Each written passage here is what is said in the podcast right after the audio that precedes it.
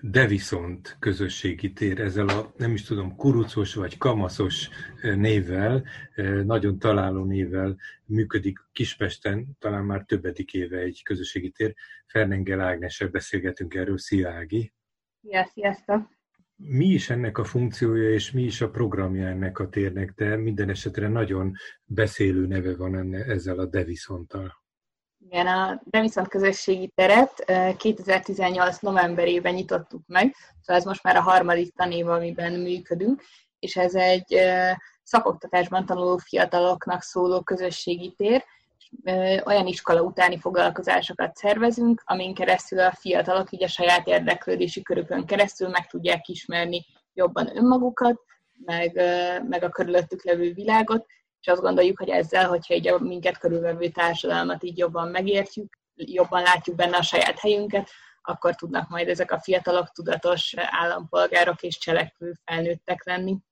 Mondod, hogy szakiskolákban, vagy szakoktatásban résztvevők, ez azt jelenti, hogy, hogy ez ott valahol a Kispesten, ahol van, hogy akkor a környékről, vagy mindenfelől Budapestről járnak oda, vagy, vagy ez egy kicsit a helyi társadalomnak, a környezetnek is valami közösségi tere, hogy, hogy képzeljük ezt el? Igen, hát Kispestnek milyen lakótelepes részén vagyunk, ami egy tudatos választás volt, hogy olyan helyet kerestünk, ami, ami közel van az, az ilyen szak, szakoktatási intézményekhez. Van is ott a közelben ilyen intézmény konkrétan? Igen, igen, igen, több, több ilyen iskola is van a közelben, és hát főleg igen, ezekből járnak hozzánk fiatalok. Van, aki gépésznek tanul, van, aki bolti eladó szakmát fog szerezni, van, aki szakásnak tanul azok közül, akik hozzánk járnak, elég vegyes a felhozatal, de nagyjából mindenki ott körülöttünk jár iskolába Kispesten, igen.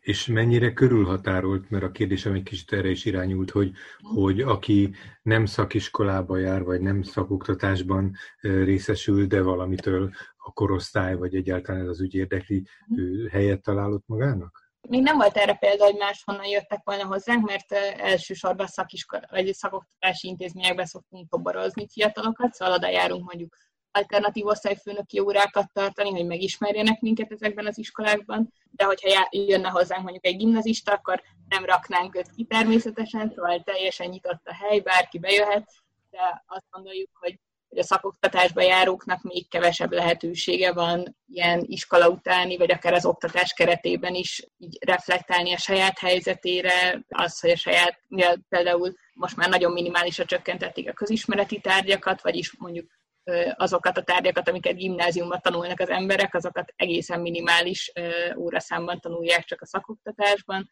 nagyjából csak szakmai tárgyakat tanulnak a fiatalok, ami nagyon leszűkíti azt, hogy őket milyen, a világnak milyen szeletével ismertetik meg az iskolában. És ezért azt gondoljuk, hogy ezeknek a fiataloknak még nagyobb szüksége van egy olyan helyre, mint egy de viszont. Tehát valójában ez egy ilyen rásegítés, hogy, hogy azokat az ingereket, amit jó esetben egy családban vagy a gimnáziumi környezetben sokan megszereznek, nem maradjanak le erről ezek a fiatalok sem, ha jól értem.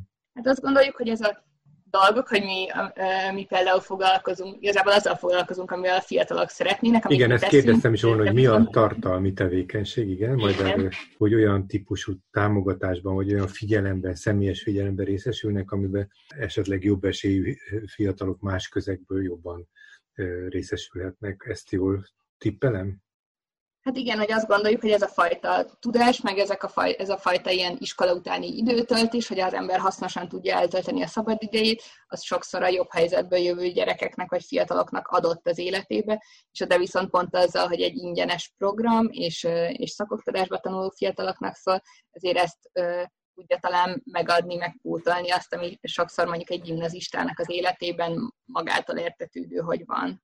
És akkor mi az, ami történik? Tehát mit csináltok, mivel foglalkoztok? Mini projekteket szervezünk, ami azt jelenti, hogy három alkalmon keresztül foglalkozunk egy témával, ezek mindig öt órás alkalmak, úgyhogy elég intenzívek, és akkor ezekben az alkalmakban mélyülünk el egy-egy témában, amit a fiatalok hoznak be. Volt már olyan projekt, amikor halállal foglalkoztunk, mert azt mondták a fiatalok, hogy ez egy tabu téma, és hogy erről ők nagyon szívesen tudnának többet. Volt, amikor a pszichológiai problémákkal és kábítószerekkel, de volt, amikor a szubkultúrákkal foglalkoztunk, hogy hogyan alakulnak ki a szubkultúrák, milyen, milyen ilyen értékeket, meg ilyen jelentéseket hordoznak az egyes zenei stílusok. De most ebben a fél évben például tervezünk egy, egy várossal és Budapest történetével foglalkozó projektet is, mert most éppen ez érdekli a fiatalokat. Akkor ezeken az öt órás alkalmakon mindig ilyen élménypedagógiai eszközökkel, vagy saját magunk is megtapasztalva ezeket a dolgokat, meg mindenféle interaktív módszerrel feldolgozva foglalkozunk ezekkel a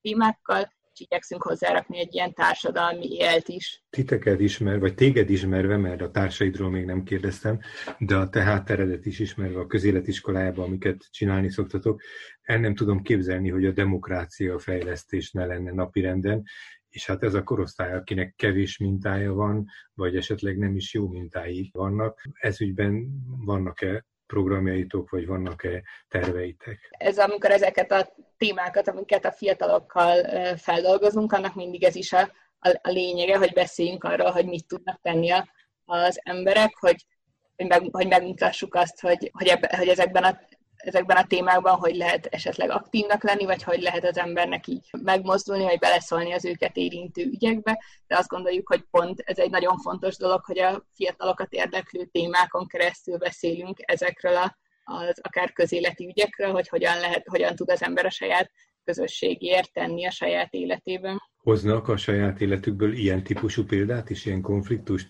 tanár, diák, szülő, gyerek kapcsolat? Abszolút, volt is egy külön iskola projektünk, ahol így arról beszéltünk, hogy milyen most az iskola rendszer, ebben ők mit gondolnak, hogy mit lehetne máshogy csinálni, beszéltünk arról, hogy milyen az ideális iskola, a fiatalok raktak össze egy ilyen demokratikus iskolát, meg megrajzoltunk ilyen tervrajzokat, hogy hogy nézhetne ki egy ilyen iskola, meg hát ilyen cikkeket is feldolgoztunk, szóval ez is nagyon fontos, hogy ilyen azt is tanuljuk közösen, hogy hogyan tudjuk a körülöttünk levő világot megérteni, nagyon sok ilyen oktatással kapcsolatos cikket is olvastunk, hogy egyáltalán értsük, hogy, hogy mi, mi is zajlik körülöttünk, vagy miből indulunk ki. Használsz több egy számot, hogy mi ezt csináljuk, ezt kezdeményezünk, kik vagytok ti?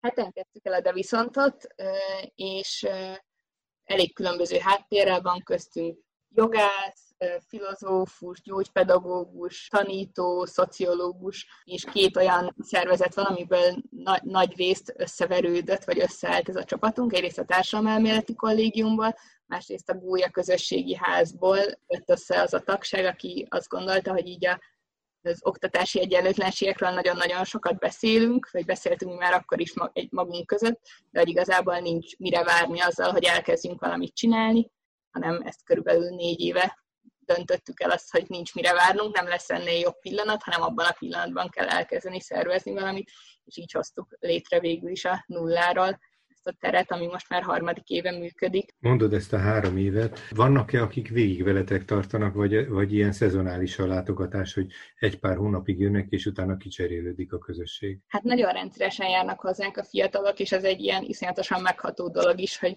a nagy részük, akik hozzánk járnak, ők egyébként dolgoznak emellett, vagy gyakorlatuk van, vagy pedig valahol dolgozniuk kell. Tehát és ki a... kell szakítani valahonnan egy kis időt, hogy erre rászállják, ugye? Igen, és amikor mondja a hozzánk járó srác, aki már jár hozzánk, nem tudom, másfél éve, hogy a gyárba, ahol egyébként ő mosószer csomagol, ahhoz igazítja a műszakjait, hogy a Devisonba el tudjon jönni. Az egy ilyen iszonyatosan megható és csodálatos dolog. Vannak olyan fiatalok is, akik az első alkalomtól kezdve járnak hozzánk. Pont ez a srác, aki az első alkalomtól jár hozzánk, őt úgy sikerült akkor megszólítanunk, hogy akkor éppen a Kökinél... Ez a Kőbánya Kispest metroállomás. Igen, igen, ott ott, ahol tudjuk, hogy azt sokat szoktak lógni fiatalok, ott szórólapoztunk, mert igyekszünk ilyen utcai toborzást is csinálni, és ő ilyen szórólapot kapott akkor, amikor megnyitotta, de viszont, és az első alkalomra eljött, és azóta is jár hozzánk folyamatosan, ami szintén egy csodás dolog és így körülbelül ilyen 25 fiatal jár hozzánk rendszeresen. Hogy látod, hogyha, hát nem azt mondom, hogy egyik napról a másikra ti elmaradnátok, vagy nem mennétek oda, hanem csak ők kinyithatnák, de hogy mennyire lettek öntevékenyek, vagy mennyire vesznek át szerepeket tőletek, vagy, vagy pedig nagyon erős továbbra is az a szükséglet, ami a, ami a külső beavatkozó szakembernek a jelenlétét jelenti ez nagyon fontos abban, ahogy mi működünk, hogy, hogy uh, milyen kritikai pedagógiai alapon működünk, és ezért is beszélek általában úgy, hogy mi tanulunk dolgokról, hogy azt gondoljuk, hogy nem az van, hogy mi tanítjuk a fiatalokat, hanem azt gondoljuk, hogy közösen tanulunk, és, és hogy közösen is igyekez, igyekszünk minél inkább fenntartani a helyet, úgyhogy igyekszünk a fiatalokat minél jobban bevonni abba, hogy ők is szervezzék, meg hozzanak programokat. Hát az biztos, hogy nagyon, egyrészt na, nagyon sok munkával jár egy ilyen teret fenntartani, meg ezeket a foglalkozásokat csinálni. Azt gondolom, hogy most, ha a szervező csapat kilépne, akkor nem tudna ez egyelőre tovább menni, de ez egy távlati célunk, hogy, hogy a fiatalok előbb-utóbb, hogy ők felnőnek majd, és kiöregednek ebből a programból, akkor itt tudjanak maradni szervezőként, és így ők vigyék tovább. És ti kire tudtok számítani, ki támogatja akár a programjaitokat, akár az ott léteteket, ez nem tudom, ez a hely hogyan adódik? A helyet azt az önkormányzattal béreljük nagyon kedvezményesen, ennek nagyon örülünk, hogy a, hogy a kezdetektől ilyen jól együtt tudunk velük működni. És ami még nekünk nagyon fontos a fenntartásban, az az, hogy már kezdetektől fogva kialakult egy ilyen kisebb támogatói bázisunk, és ezt a támogatói bázist igyekszünk mindig fenntartani és, és növelni azzal, hogy egyre inkább nő a programunk, és egyre több erőforrásra van szükségünk ahhoz, hogy fent tudjuk tartani, vagyis ilyen magánadományokból igyekszünk minél inkább működni, hogy ne csak ilyen projektpénzekre vagy pályázati pénzekre kelljen támaszkodnunk, nem minél szabadabban tudjuk azt csinálni, meg olyan programokat szervezni, amikre a fiataloknak tényleg szükségük van, és rugalmasak tudjunk lenni. Most is fut éppen egy ilyen adományozói kampányunk, úgyhogy ha valaki szeretné a De viszont közösségi teret támogatni, akár eseti, akár rendszeres adománya, annak nagyon-nagyon örülünk. Az adjukössze.hu is meg lehet találni ezt a gyűjtést. Harmadik év, van-e valami nagy dolog, amire most készültök, vagy egyáltalán ezt fenntartani, ez is elég nagy dolog? Hát nagyon-nagyon szeretnénk, hogyha nyitva lehetnénk már heti két napot, mert egyelőre ez a heti egy napi öt órás nyitvatartásunk az, amit, amit tudunk biztosítani, és a fiatalokban, meg bennünk is nagyon nagy igény van arra, hogy ez több legyen, hogy egyrészt több időt tudjunk együtt tölteni, másrészt rengeteg olyan téma van, amit szeretnénk még közösen feldolgozni, úgyhogy ez a nagy álmunk, hogy két napon lehessünk nyitva, amihez önkéntesekre is szükségünk van, úgyhogy hogy még egy felhívást elmondhassak, önkéntesként is lehet csatlakozni hozzánk, és reméljük, hogy ki tudunk nyitni két nap, de ez ugye sajnos nagyon nagyban függ attól, hogy meddig, hogy hogy alakul a vírushelyzet, és hogy meddig lehet egyáltalán személyesen folytatni.